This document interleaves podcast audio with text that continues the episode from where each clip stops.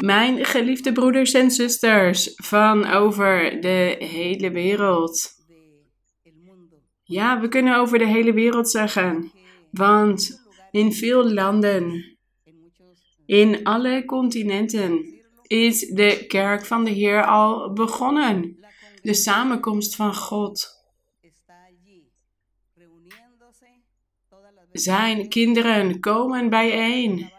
Elke keer dat ze het kunnen om de God der ere te verheerlijken. De schepper van de hemelen en de aarde. De almachtige God die op een dag zich vernederde en naar ons omkeek. En wij hebben dit grote voorrecht dat God naar ons omgekeken heeft met ogen vol genade en dat wij voor Hem mogen staan. Dat wij in Zijn aanwezigheid mogen zijn, dat Hij naar ons omkijkt en dat Hij onze gebeden verhoort. Dat is het allergrootste dat wij als mensen kunnen meemaken. En daarom geven wij Hem de glorie en de eer. En een groet voor jullie allemaal met veel genegenheid. Welkom. Ook welkom mensen die voor de eerste keer bij ons zijn of die nog nieuw zijn in de kerk. En ik nodig jullie ook uit om na dit onderricht, als jullie weer thuiskomen in jullie woonplaats, dat jullie de Bijbel lezen, onderzoeken, meer te weten komen over de Heer, over zijn prachtige wegen. Dat is de uitnodiging. En ik groet ook alle broeders. De broeders uit Paraguay zeggen mij dat ik ze nooit groet. Maar ja, ik kan niet elk land opnoemen, want dat kost te veel tijd. Maar ik denk aan jullie allemaal. Ik denk aan alle broeders en zusters die uit Paraguay, Argentinië, uit Chile. Voor jullie allemaal een groet, een speciale groet. En in al die plekken van samenkomst zijn het mensen uit dat land die in het land geboren zijn, die samenkomen. Dat is zo mooi in Zuid-Amerika. God heeft naar jullie omgekeken. En er zijn ook broeders in Patagonië. Dat is zo ver weg voor ons. Maar God kijkt naar jullie om.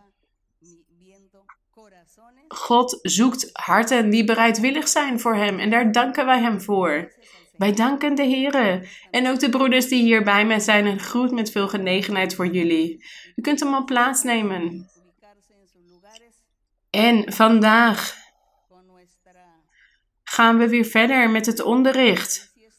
Het is een korte brief die we vandaag gaan lezen. De tweede brief van Johannes.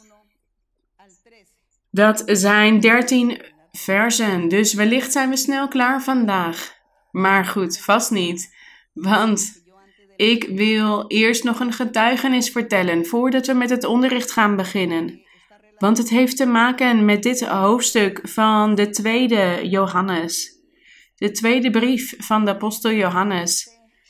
Het zijn maar dertien versen in dit boek. Maar hier staat in vers 1: De ouderling aan de uitverkoren vrouw. Hebben jullie dat al gelezen? En voordat wij dus verder gaan lezen, wil ik eerst een getuigenis vertellen. En dit heeft hiermee te maken met deze zin. De uitverkoren vrouw. Ik vertel jullie dat voor deze kerk begon, voordat deze kerk werd opgericht. Ja, de broeders heb ik dit allemaal al verteld. Wij kwamen samen in evangelische gemeenten. Daar gingen wij naartoe. En er was er eentje, ja, ze hadden allemaal verschillende namen. Ze hadden allemaal de naam Kerk van God in hun naam. In hun naam. De kerk van de profetie was er ook in die tijd, maar dat had niks met profetie te maken, want er was niet eens een gave van profetie in die kerk. Maar wij kwamen in die kerken, in die gemeenschappen samen. Toen wij God aan het zoeken waren en wij zochten ook de geestelijke gaven. En ik weet nog dat mijn man, Luis Eduardo Moreno, mij zei: In de kerk van God moeten de geestelijke gaven aanwezig zijn. De openbaring van de Heilige Geest, de gaven van de profetie. Dit moet bestaan, want dat staat hier in Korinthe. En ik las dat ook en ik dacht, ja, hij heeft gelijk. Het moet in de kerk aanwezig zijn. En ook in Efeze 4 staat dat de Heer apostelen, profeten en leraars heeft aangesteld in zijn kerk. Dus die moeten er zijn, zeiden wij. En in al die kerken waar wij samenkwamen in die tijd, hadden wij dit niet gezien. Zij hadden niet de geestelijke gaven. God openbaarde zich daar niet. En hij, mijn man, was al tien jaar lang aan het samenkomen in verschillende evangelische gemeenten, maar geen enkele had de geestelijke gaven. En hij onderwees mij altijd dat we naar het geestelijke moesten blijven zoeken. En ik ging dat dus doen. En ik vroeg God om zich te openbaren met zijn geestelijke gaven in ons midden. En in die tijd, mijn schoonmoeder, zij droomde veel. Zij had veel dromen en visioenen, kreeg zij van God. En ik was zo gelukkig, want zij vertelde mij die dromen en visioenen en dat maakte mij zo blij. Want ik voelde altijd blijdschap en vreugde als zij mij haar dromen vertelde, die God haar gaf. En ik begon de Bijbel te lezen. Ik wilde alles onderzoeken en ik werd verliefd op God. Ik ging van God houden. En ik wilde dat geestelijke zoeken.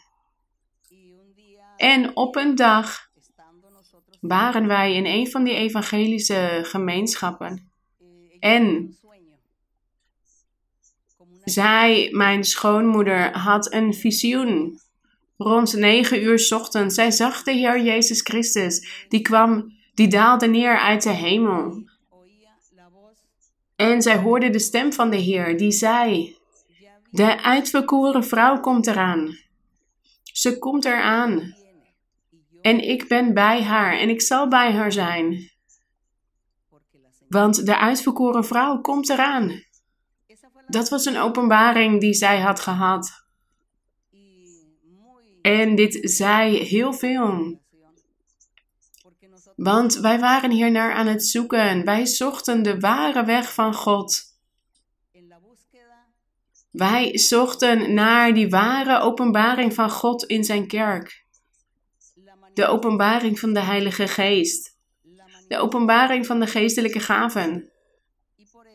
En daarom werden wij zo verheugd door, die, door dat visioen.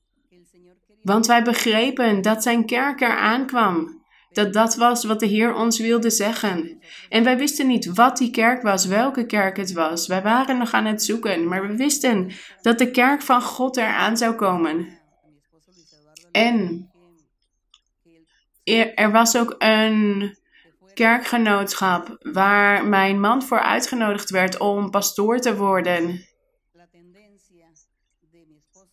Maar mijn man en mijn schoonmoeder, zij wilden graag onafhankelijk zijn in hun zoektocht naar God. Ze wilden niet meer bij een bepaalde gemeente horen. Ik werd daar boos om, want ik wilde niet onafhankelijk zijn. Ik, ik dacht dat wij dat economisch nooit konden volhouden financieel gezien. Maar toen mijn schoonmoeder dus dat visioen had, die openbaring, begonnen we eraan te twijfelen en dachten we, ja, misschien is het toch onafhankelijk. En ik vertel jullie ook in het boek Belevenissen dat wij toen twee zusters leerden kennen van verschillende genootschappen. En zij waren profetessen.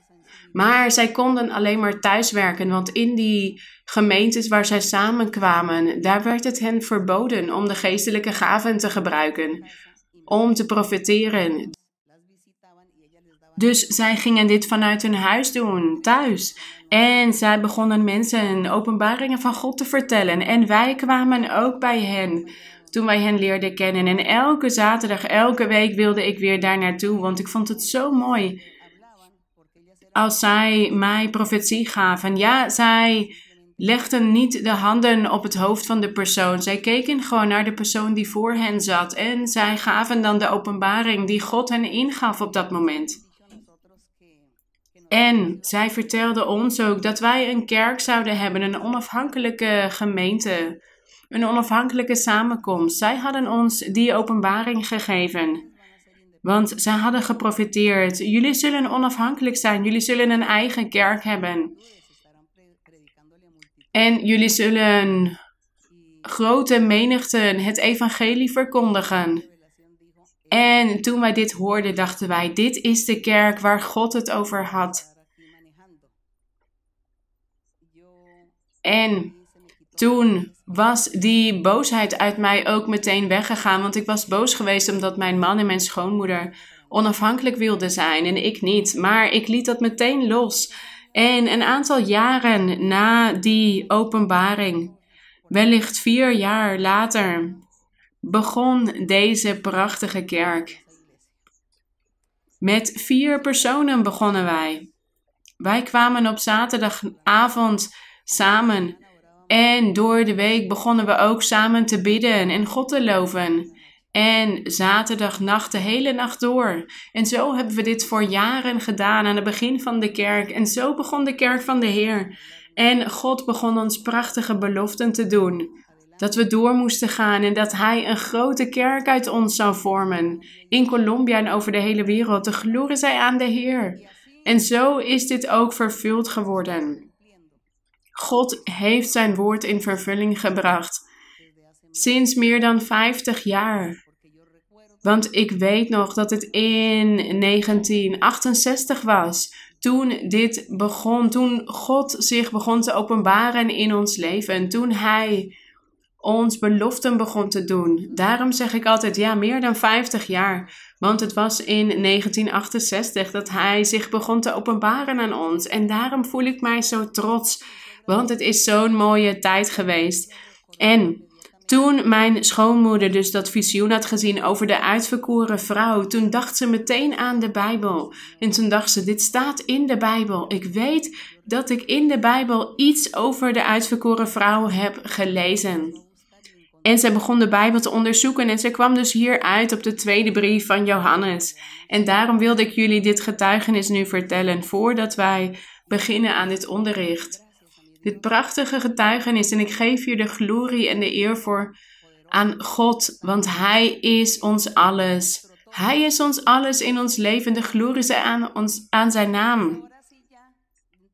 Dus nu we weten wat hiermee wordt bedoeld met de uitverkoren vrouw, gaan we lezen. Hier staat de ouderling aan de uitverkoren vrouw en aan haar kinderen, die ik in waarheid lief heb.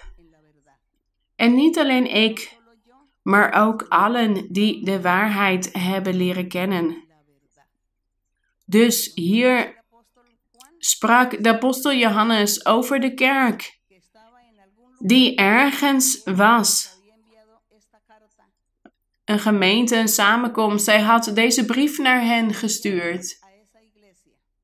En op een poëtische manier zegt hij de ouderling aan de uitverkoren vrouw. De uitverkoren vrouw is de kerk van de Heer Jezus Christus. En in vers 2 staat: Omwille van de waarheid die in ons blijft en met ons zal zijn tot een eeuwigheid. De waarheid van God. Genade, barmhartigheid, vrede zal met u zijn van God de Vader en van de Heere Jezus Christus, de Zoon van de Vader, in waarheid en liefde. Dit was de groet van de apostel Johannes voor deze gemeente, voor de uitverkoren vrouw. En hij noemde zichzelf de ouderling. Hij was een ouderling, want hij was een apostel, een profeet, een prediker, een evangelist. Hij was een ouderling geworden. En daarom staat hier de ouderling aan de uitverkoren vrouw, aan de kerk van de Heer, aan de kerk van onze God. Wat mooi als wij dit lezen en als we dit begrijpen. En als wij onszelf een deel beschouwen van deze uitverkoren vrouw, van de kerk van de Heer. Want Hij brengt ons samen door zijn Heilige Geest. De Heilige Geest is het die alle harten samenbrengt, die één van ze maakt. Want de kracht van de Heilige Geest en zijn werk in ons midden, dat maakt ons één. Wij zijn één in de Heer, één in God. En daarom zijn wij trots, wij voelen ons trots. En ik nodig jullie uit, mensen die nog nieuw zijn en die voor de eerste keer bij ons zijn, die wellicht nog geen ervaringen met God hebben gehad of die de Bijbel nog niet hebben gelezen. Ik nodig jullie uit om naar de kerk te blijven komen. Kom samen en lees de Bijbel.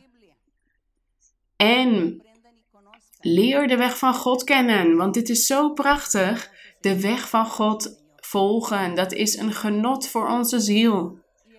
En in vers 4 begint de apostel te spreken dat hij verblijd is. Ik heb mij er zeer over verblijd dat ik er onder u kinderen gevonden heb die in de waarheid wandelen.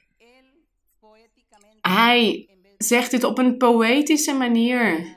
Hij zegt niet, ja, ik heb een aantal gelovigen van de kerk gevonden. Nee, hij zegt hier, ik heb onder uw kinderen een aantal gevonden, want hij sprak tot de uitverkoren vrouw, tot de kerk, op een poëtische manier. Die in de waarheid wandelen, in overeenstemming met het gebod dat wij van de Vader ontvangen hebben. En nu vraag ik u, vrouwen, wat mooi, wat poëtisch, toch? Hij was geïnspireerd, Johannes, hij was geïnspireerd in God. God was over hem gekomen om dit te schrijven om dit te zeggen. En nu vraag ik u, vrouwen, niet alsof ik u een nieuw gebod schrijf, maar dat wat wij vanaf het begin gehad hebben. En de Heer Jezus Christus, toen hij met zijn apostelen op de aarde was, zei hij: Ik zal jullie een nieuw gebod leren. Wat was dat nieuwe gebod? Wat was het eerste gebod? God liefhebben en de naaste liefhebben. Dat is wat de Heer zei. Dat is wat ik jullie ga onderwijzen. En hier zegt apostel Johannes ook tegen de uitverkoren vrouw: Ik vraag u, niet alsof ik u een nieuw gebod schrijf. Het is niet nieuw. Het is dat wat wij vanaf het begin gehad hebben. Laten wij elkaar lief hebben.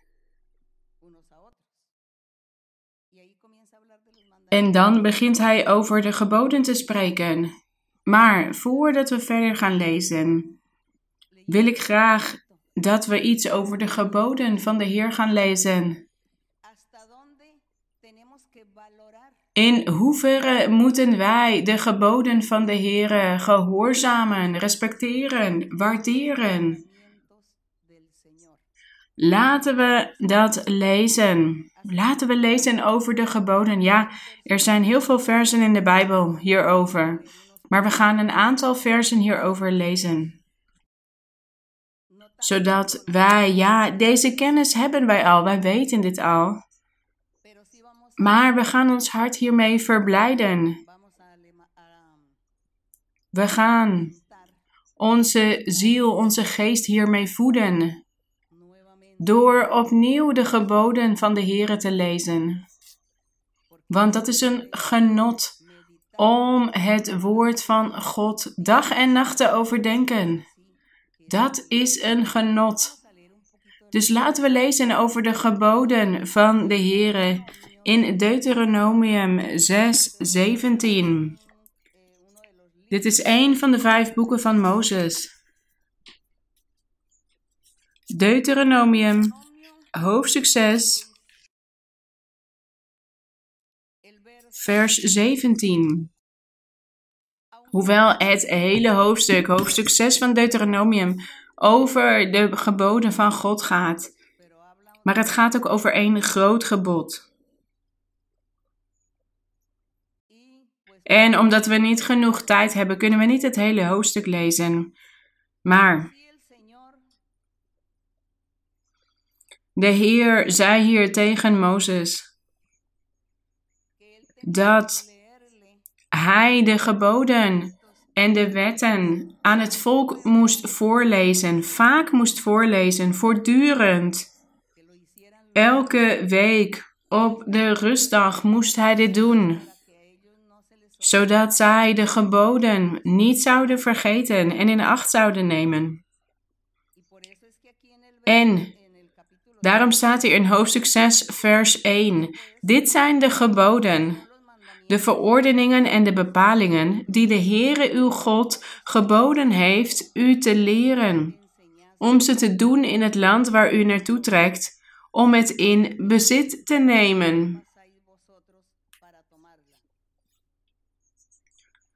Dus Mozes zei tegen het volk dat zij de geboden in acht moesten nemen. En in vers 17, ja, het hele hoofdstuk gaat dus over die geboden en verordeningen. En in vers 17 staat: U moet de geboden van de Heere uw God, zijn getuigenissen en zijn verordeningen die hij u geboden heeft, nauwgezet in acht nemen.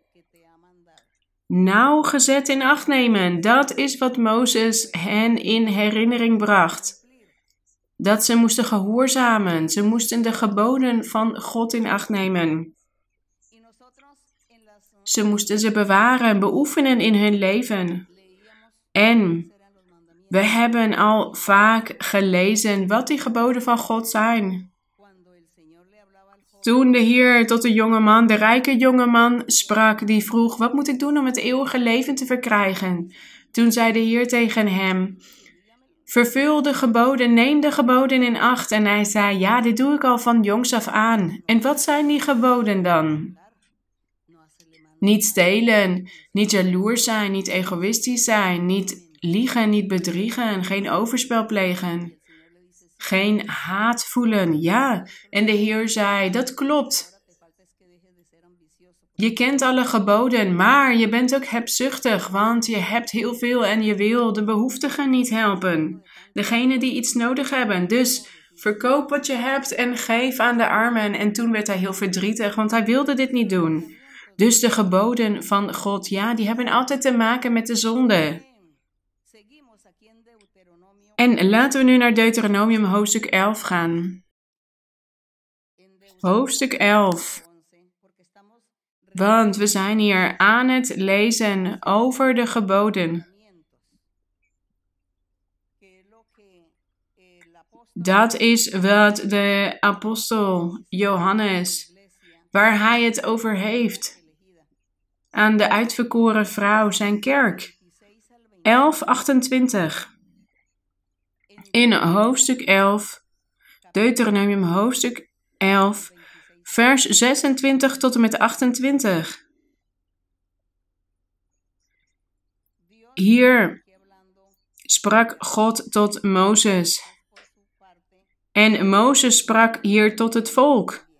Hij zei in vers 26: Zie, ik houd u heden zegen en vloek voor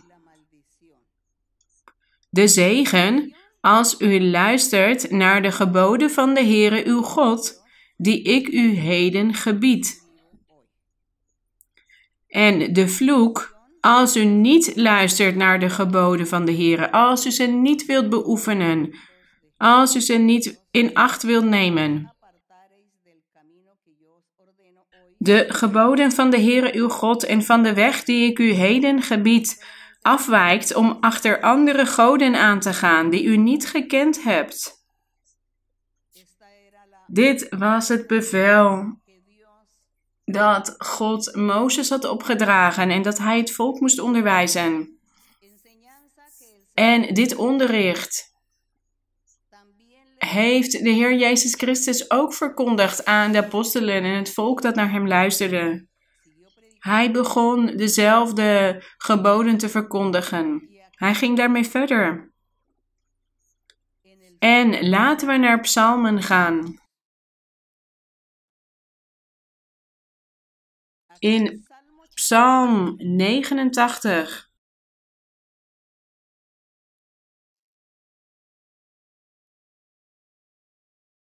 Psalm 89.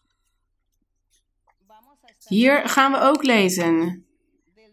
Hier gaan we lezen van vers 20 tot en met 36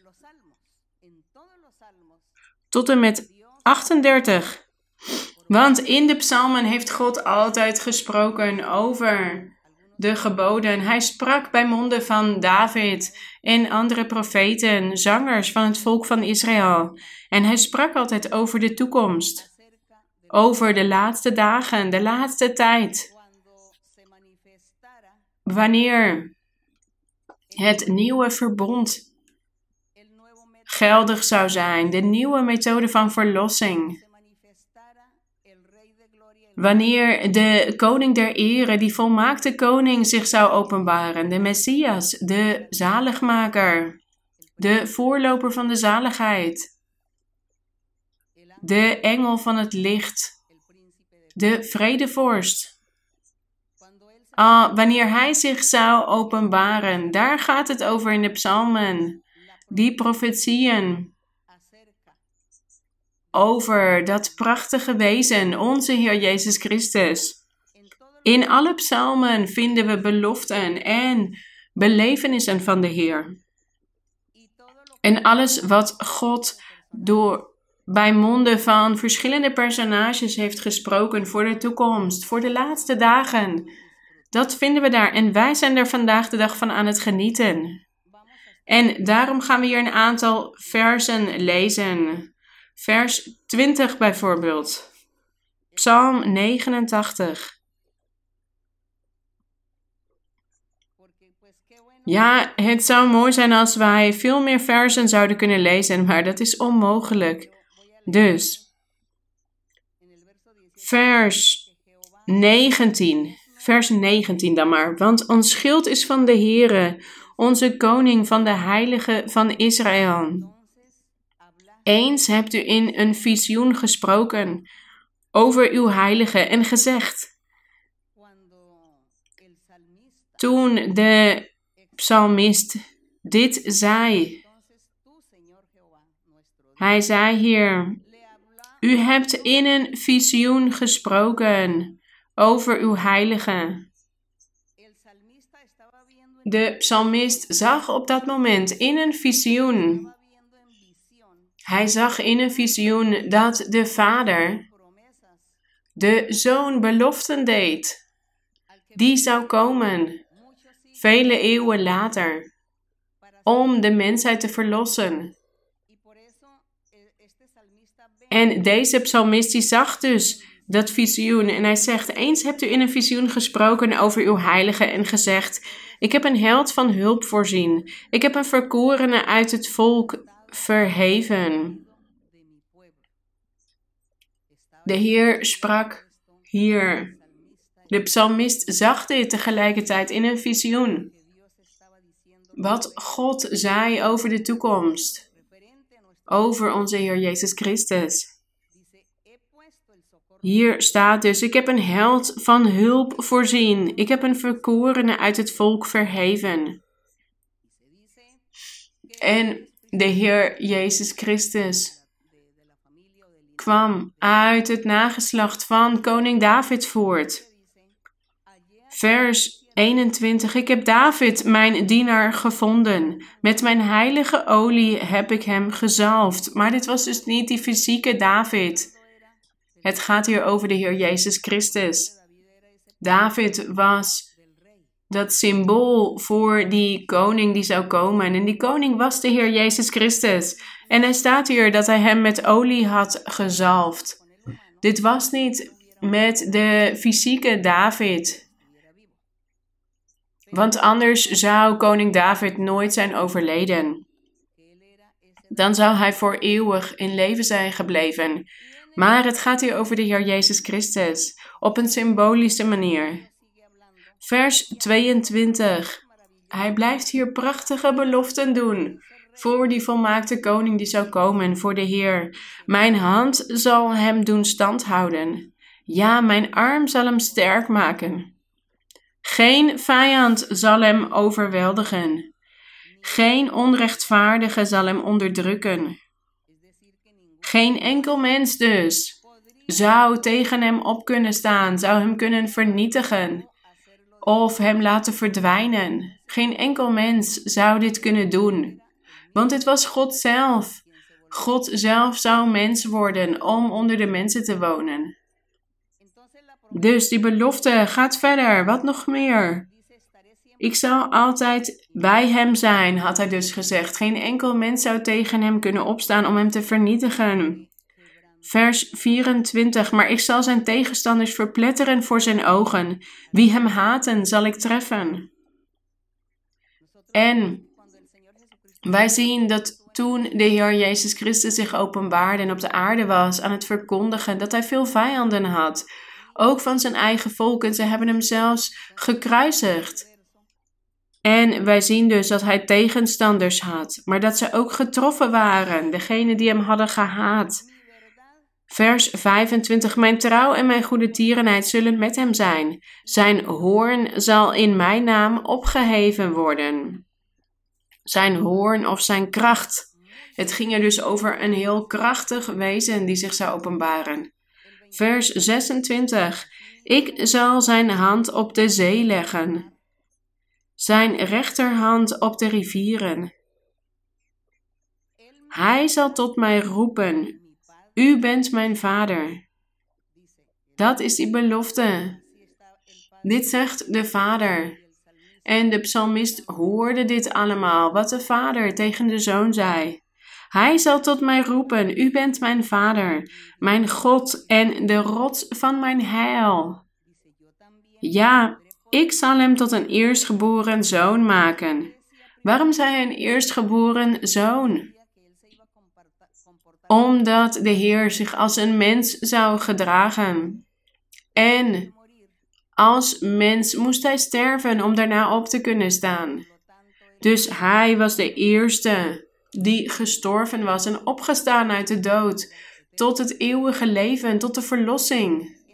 En daarom staat hier: Ik zal hem tot een eerstgeboren zoon maken. En hij was dus de eerstgeborene uit de doden, want hij was de eerste die is gestorven en opgestaan uit de dood. En we lezen dat ook iedereen die in hem gelooft hetzelfde zal gebeuren. Dus dat wanneer zij zullen overlijden, dat ze op zullen staan uit de dood op een bepaalde dag. Dus dat zal ons ook ooit gebeuren als gelovigen. Dat wij sterven, ons lichaam zal sterven, maar we zullen opstaan uit de dood om in de eeuwigheid bij God te mogen wonen. En hier staat dus, ja, ik zal hem tot een eerstgeboren zoon maken, tot de allerhoogste van de koningen van de aarde. De glorie zij aan de Heer. Onze Heer Jezus Christus is de allerhoogste van de koningen. Vers 29. Ik zal mijn goede tierenheid tegenover hem voor eeuwig houden. En jullie vragen je wellicht af: waarom heeft de zuster het over de geboden eerst en nu over de Heer Jezus Christus? Ja, en deze beloften, we moeten eerst deze beloften kennen, weten voordat we naar de geboden gaan, zodat we alles goed kunnen begrijpen. Want als we alleen maar één vers lezen, dan begrijpen we het soms niet goed. De echte betekenis, de diepgaande betekenis. Zodat die versen ons hart bereiken. Dus maak jullie geen zorgen, het gaat zo weer over de geboden. Hier staat in 29: Ik zal mijn goede tierenheid tegenover hem voor eeuwig houden, aan mijn verbond met hem trouw blijven. Het verbond van onze God met onze Heer Jezus Christus op het kruis van Golgotha. Vers 30. Ik zal zijn nageslacht voor eeuwig laten bestaan. Hier gaat het over de Heer en zijn kerk, zijn gelovigen, zijn volgelingen. Ik zal zijn nageslacht voor eeuwig laten bestaan. De gelovigen, de kerk van de Heer en zijn troon als de dagen van de hemel. Oftewel, tot in alle eeuwigheid. Vers 31. Hier gaat het weer over de geboden. En kijk wat de Vader hier zegt. Als zijn kinderen mijn wet verlaten. Hoe vinden jullie dit? Als zijn kinderen mijn wet verlaten, terwijl in vers 30 staat, ja, ik zal zijn nageslacht voor eeuwig laten bestaan. En het nageslacht, dat zijn de kinderen van de Here. Daarom staat hier, als zijn kinderen mijn wet verlaten. Dus wie zijn die kinderen? De gelovigen. De ware volgelingen van het ware evangelie van de Heer Jezus Christus. De gelovigen van de kerk van Christus Jezus. Die volgelingen, dat zijn de kinderen van de Heer. En hier zegt de Vader, die beloften deed aan zijn Zoon Jezus Christus, dat zijn troon voor eeuwig zou zijn en ook zijn nageslacht, dat hij in de eeuwigheid zou mogen leven. Daarom staat hij in vers 31, als zijn kinderen, dus ja, die kinderen van de Heer Jezus Christus, mijn wet verlaten en in mijn bepalingen niet gaan, als zij mijn verordeningen ontheiligen en mijn geboden niet in acht nemen, dan zal ik hun overtreding met de roede straffen en hun ongerechtigheid met slagen. Dus dit is een straf voor de kinderen die, de die zijn wet verlaten. Hier staat niet dat hij die volmaakte koning zou straffen.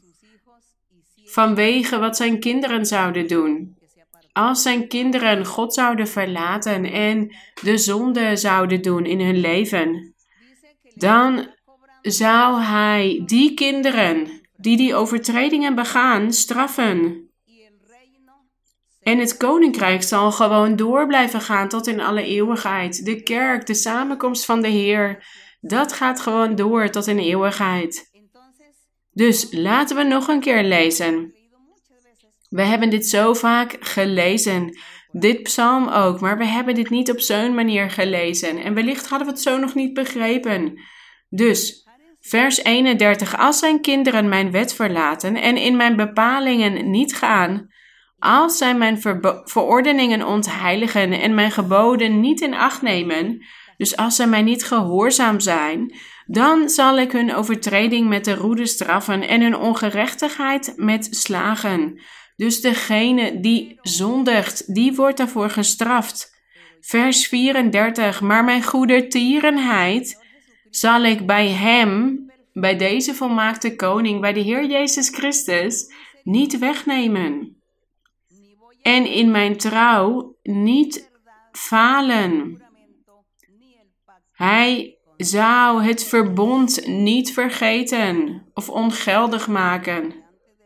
Want voor de grondlegging van de aarde had God dit prachtige plan al gemaakt. Dit was allemaal al gebeurd. En God was die verbintenis aangegaan met het nieuwe verbond, dat de kerk van de Here voor altijd zou blijven bestaan en dat hij wel een volmaakte koning zou kunnen zijn. Een geestelijke koning, geen fysieke koning, maar geestelijk. Dus hier staat dat als een van zijn kinderen God verlaten, de weg van God verlaten, de geboden niet gehoorzamen, dan zal de Heer die mensen straffen, die overtreders. Maar het koninkrijk blijft gewoon doorgaan en de koning blijft gewoon regeren. De kerk van de Heer zal gewoon door blijven gaan met degenen die trouw zijn, met degenen die standvastig zijn, met degenen die doorgaan. Degenen die werkelijk gehoorzaam zijn aan de geboden van de Heer.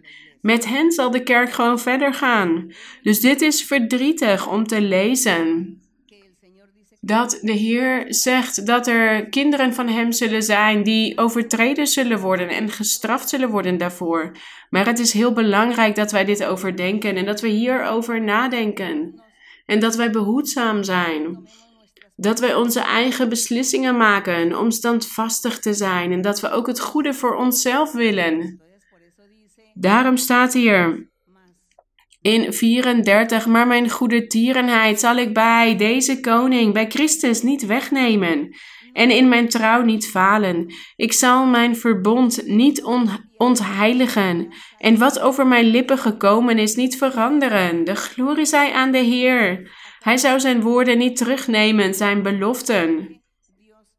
Laten we ook gedenken dat God ook tot Abraham had gesproken. Dat hij zei dat hij vader zou worden van vele volken door het geloof. Door het geloof zou hij vader worden van vele volken, want dat zou voor de toekomst zijn. Dat geloof om zalig te worden. Dus de kerk zal over de hele wereld bestaan. En hier staat dat de Heer niet zou veranderen wat over zijn lippen was gekomen en dat hij in zijn trouw niet zou falen. Vers 36. Eens heb ik gezworen bij mijn heiligheid: nooit zal ik tegen David liegen. Dus de gelovigen, de volgelingen van deze geestelijke David, dit is de Heer Jezus Christus. Vers 37. Die zal voor eeuwig blijven. Zijn nageslacht zal voor eeuwig blijven. Dus we zien hier dat het niet gaat over de fysieke David, over de mens David. Dit was symbolisch. Want hij is niet voor eeuwig gebleven en ook niet zijn nageslacht, zijn fysieke nageslacht. Zijn troon zal voor mij zijn, vast als de zon. De glorie zij aan de God, aan onze God. Hij zal voor eeuwig stand houden zoals de maan. De getuige hoog aan de hemel is trouw. De glorie en de eer zijn onze God. Wat mooi, deze prachtige versen zoals we die gelezen hebben. Mogen dit diep in uw harten opgeslagen worden. De glorie en de eer zijn onze God. En laten we nu naar Matthäus gaan, nu we psalmen hebben gelezen. Het evangelie volgens Matthäus. Voordat we teruggaan naar de brief van Johannes. Matthäus 19.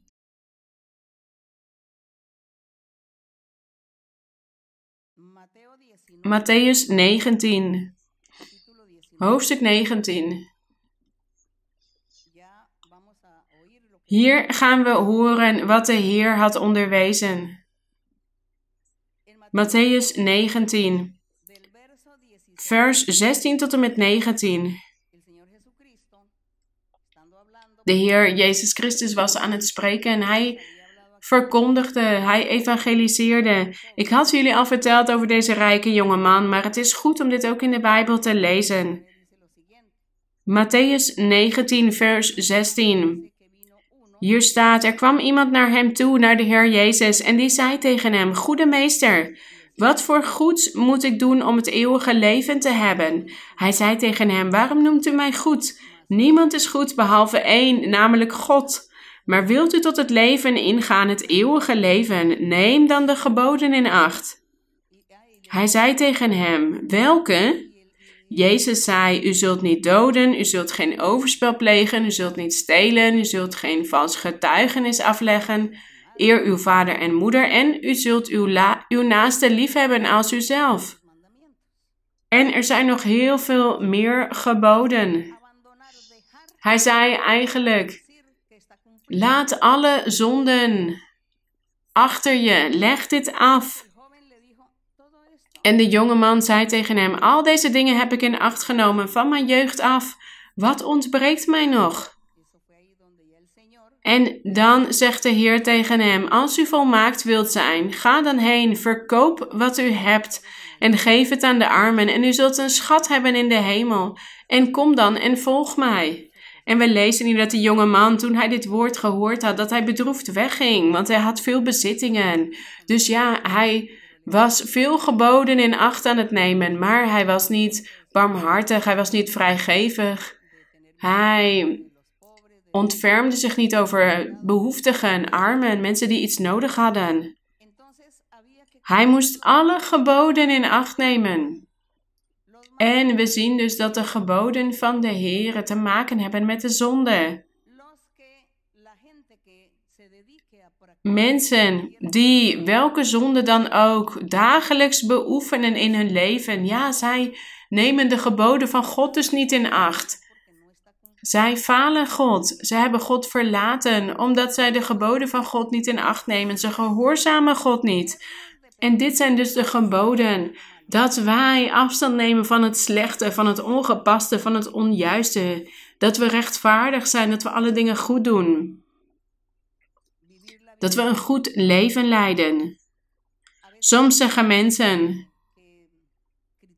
die kritiek leveren of andere mensen veroordelen dat er kleine dingen zijn die eigenlijk geen zonde zijn, maar dat is toch de wet van God overtreden, hoe klein of hoe groot het ook is. Als wij de wet van God overtreden, dan zondigen wij. En er zijn mensen die dan beginnen te roddelen of kwaad te spreken, te speculeren. Of zij leggen een valse getuigenis af. Of ze zeggen: Oh, maar deze dingen, ja, dit zijn zwakheden in mij en ik ben een mens. Ja, ik ben niet perfect en ik kan dit gewoon blijven doen, want dit zijn kleine dingen. En God kijkt hier niet naar. Maar we moeten afstand nemen van alles wat onjuist is. En mensen waarderen en respecteren en niet zomaar de dingen zeggen overhaast zonder hierover na te denken en te speculeren en te veroordelen. Want dan zijn we de geboden van God niet in acht aan het nemen. Dus we moeten ons eigen leven analyseren. We moeten kijken, wat zijn mijn gebreken? Wat doe ik nog fout? En hoe komen wij hierachter? Door de Bijbel te lezen. Als we bijvoorbeeld het boek Spreuken lezen in de Bijbel, dan leren wij zoveel. Wij leren hoe wij ons in het dagelijks leven moeten gedragen. Wat slecht is, wat goed is. En als wij dus zeggen: Ik wil God behagen. Ik wil de geboden van God in acht nemen. Ik wil in vrede zijn met God dan moeten wij over ons leven nadenken en kijken wat het, waar het ons nog aan ontbreekt. Wat doen wij nog fout? Wat doen we verkeerd? En als er ook maar een vonkje van jaloezie of wraak of kwaadspreken in ons zit, of dat wij anderen veroordelen, dat we zeggen: nee, ik moet mezelf beteren, ik moet hiermee ophouden. Help mij, Heer, om dit uit mij weg te nemen, want ik wil uw geboden in acht nemen. En in Matthäus 22, vers 36 tot en met 40, hier gaat het ook over de geboden van de Here. Matthäus 22, vers 36 tot en met 40. Hier staat dat er een wetgeleerde was die iets aan de Heer vroeg om hem te verzoeken: Meester, wat is het grote gebod in de wet? Jezus zei tegen hem: U zult de Heere uw God liefhebben met heel uw hart, met heel uw ziel en met heel uw verstand. Dit is het eerste en het grote gebod. En het tweede is hieraan gelijk. U zult uw naaste liefhebben als uzelf. Aan deze twee geboden hangt heel de wet en de profeten. Hoe vinden jullie dit? Aan deze twee geboden hangt heel de wet en de profeten, de wet van God en de profeten. Want ja, in de boeken van de profeten vinden we al die profetieën. Alles wat God het volk had opgedragen om te doen. En ook die beloften voor de toekomst met de Heer Jezus Christus. Dus deze geboden God liefhebben en uw naaste liefhebben, daar hangt alles vanaf. En hoe doen wij dit? Afstand nemen van de zonde, welke zonde dan ook, daar moeten we afstand van nemen. En zo hebben wij God lief en onze naaste. Ook al zeggen we dat dit een kleine zonde is of dat dit een foutje is. En omdat wellicht niemand het ziet, wij zeggen ja, dit is iets kleins. Maar uit kleine dingen komen grote dingen voort. Dus wij moeten ons behoeden voor alles. Wij moeten ons bewaren voor alles. En misschien zegt iemand: nee, dit is zo moeilijk, het leven in de Here. Een volmaakt leven, nee, dat lukt ons niet. Dan moeten wij door de lucht zweven en dan mogen we niet meer eten en drinken. Dan moeten we als geesten zijn. Nee, nee, we hoeven geen geest te worden. Wij wonen gewoon in de wereld als mensen en als mensen kunnen wij genieten van alles wat God ons heeft gegeven. Maar met een rein hart, zonder haat, zonder kwaadspraak, zonder laster, zonder wrok, zonder bedrog, zonder leugens enzovoorts. Dat is het. Dus het is zo belangrijk om de geboden te kennen. En de apostelen hadden het ook altijd over de geboden. Zij gaven bijna altijd hetzelfde onderricht. Ze hadden het altijd over de geboden en het grote gebod. God liefhebben met heel ons hart en ook onze naasten. En laten we nu dus weer verder gaan in 2 Johannes. Nu gaan we beter begrijpen wat de apostel hier zei in 2 Johannes. En hier staat in vers 4 dus: Ik heb mij er zeer over verblijd dat ik er onder u, onder uw kinderen, gevonden heb die in de waarheid wandelen. Hij sprak hier dus tot de uitverkoren vrouw, de kerk. Onder u zijn er kinderen die ik die in de waarheid wandelen in overeenstemming met het gebod dat wij van de Vader ontvangen hebben. En nu vraag ik u vrouwen, niet alsof ik u een nieuw gebod schrijf, maar dit, maar dat wij vanaf het begin gehad hebben. Daarom hebben we over de geboden gelezen in Deuteronomium, want dit was er al van de tijd van Mozes ook. Laten wij elkaar lief hebben van het begin, vanaf het begin der tijden. En dit is de liefde, dat wij wandelen naar zijn geboden. Dit is het gebod zoals u vanaf het begin gehoord hebt dat u daarin moet wandelen. Dus we moeten afstand nemen van de zonde. Dat is die liefde daar wij, waar wij in moeten wandelen. Vers 7. Want er zijn veel misleiders in de wereld gekomen, die niet beleiden dat Jezus Christus in het vlees gekomen is. Dat is de misleider en de antichrist. Let op uzelf, opdat wij niet verliezen waarvoor wij gewerkt hebben, maar een vol loon mogen ontvangen. Hij begon hier over de Heer Jezus Christus te spreken, dat in hem geloof moest worden. Vers 9. Ieder die overtreedt en niet blijft in de leer van Christus, die heeft God niet. Maar wie in de leer van Christus blijft, die heeft zowel de Vader als de Zoon. Vers 10. Als iemand bij u komt en deze leer niet brengt, als iemand bij u komt, iemand spreekt tot u, iemand bezoekt u of u komt iemand tegen en deze leer niet brengt, welke leer? De leer van Christus, de geboden van God. En beleiden dat Jezus Christus in vlees is gekomen en dat hij God zelf is die vlees was geworden. De zaligmaker, de verlosser, dat is de leer. Als iemand bij u komt en deze leer niet brengt, ontvang hem niet in huis en begroet hem niet.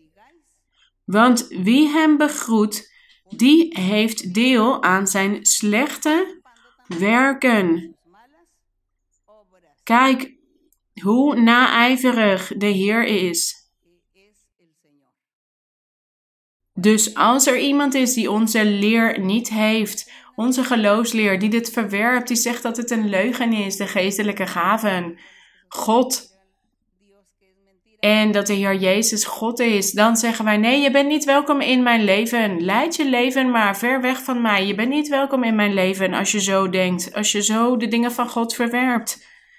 En dit hadden de apostelen ook zo geleerd van de Heer, die naijver voor de dingen van God. En in vers 12 en 13 vinden we nog een groet voor de broeders in die tijd die daar samenkwamen. En Johannes spreekt op zo'n mooie profetische manier in deze brief, zoals we in vers 1 hebben gelezen, de ouderling aan de uitverkoren vrouw. Ik weet niet hoe dit vertaald is in de andere talen, of dit op dezelfde manier is vertaald. Maar dit is prachtig, deze brief. En vers 12, hier staat: Hoewel ik veel aan u te schrijven heb, wilde ik dat niet doen met papier en inkt. Maar ik hoop naar u toe te komen en van mond tot mond met u te spreken, opdat onze blijdschap, volkomen zal zijn. U groeten de kinderen van uw zuster, de uitverkorenen. De uitverkorenen. Amen. Dus ja, wij zijn als broeders en zusters van elkaar. Alle kerken en alle kerken van God, de samenkomsten van de Heer, zijn zusters van elkaar. Daarom staat hier: U groeten de kinderen van uw zuster, de uitverkorenen. Dus wie wil allemaal deel uitmaken van deze uitverkorene, de uitverkoren vrouw, oftewel de samenkomst van de Here? Ja, hier verlangen wij allemaal naar met heel ons hart. En wij vragen God ook om ons te helpen. Om ons te helpen, zodat we dit kunnen bereiken. Dat wij ook bij deze uitverkoren vrouw mogen horen. Dat wij doorgaan op deze weg, dat wij nooit vermoeid raken. Dat wij nooit terugvallen of naar links of rechts gaan afwijken. We moeten doorgaan op de rechte weg, standvastig.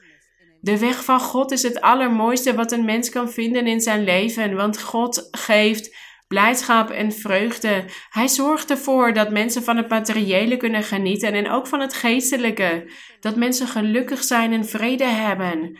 Ja, dat vinden wij in God. In God beleven wij die volledige blijdschap, dat volledige geluk.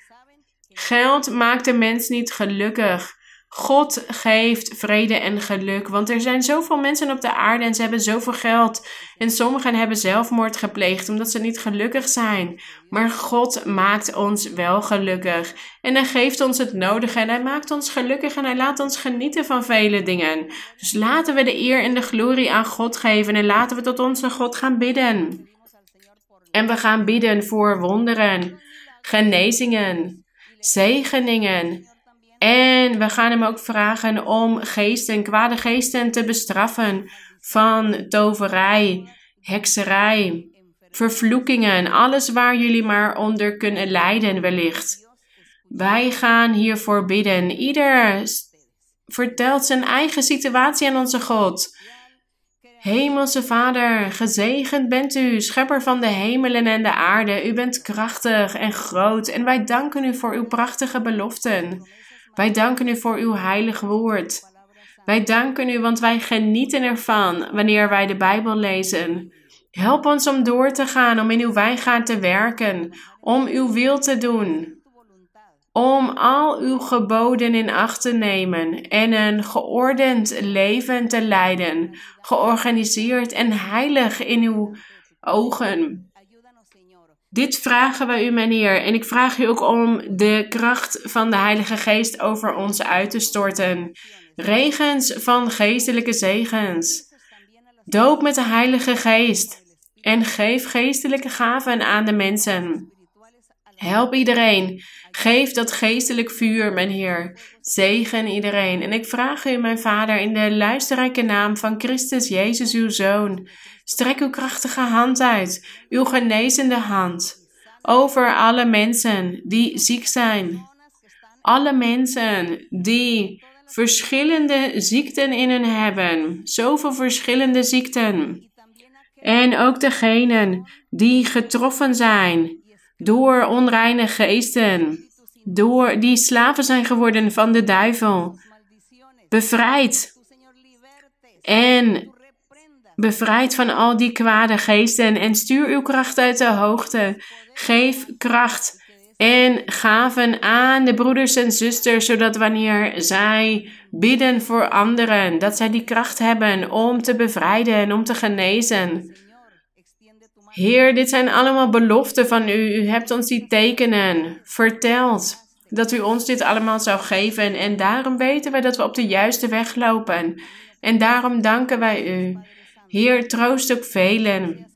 Vervul de hartverlangens, de verzoeken van iedereen. Luister naar alle gebeden, mijn Vader. In de naam van de Heer Jezus Christus dank ik u, want u bent heilig en rechtvaardig en uw barmhartigheid is tot in alle eeuwigheid. Wij danken u, mijn Heer. De glorie en de eer zij aan u, van nu aan tot in alle eeuwigheid. Amen. De glorie zij aan de Heer. Laten we koor 33 zingen. Ontkom aan de toorn die komen zal.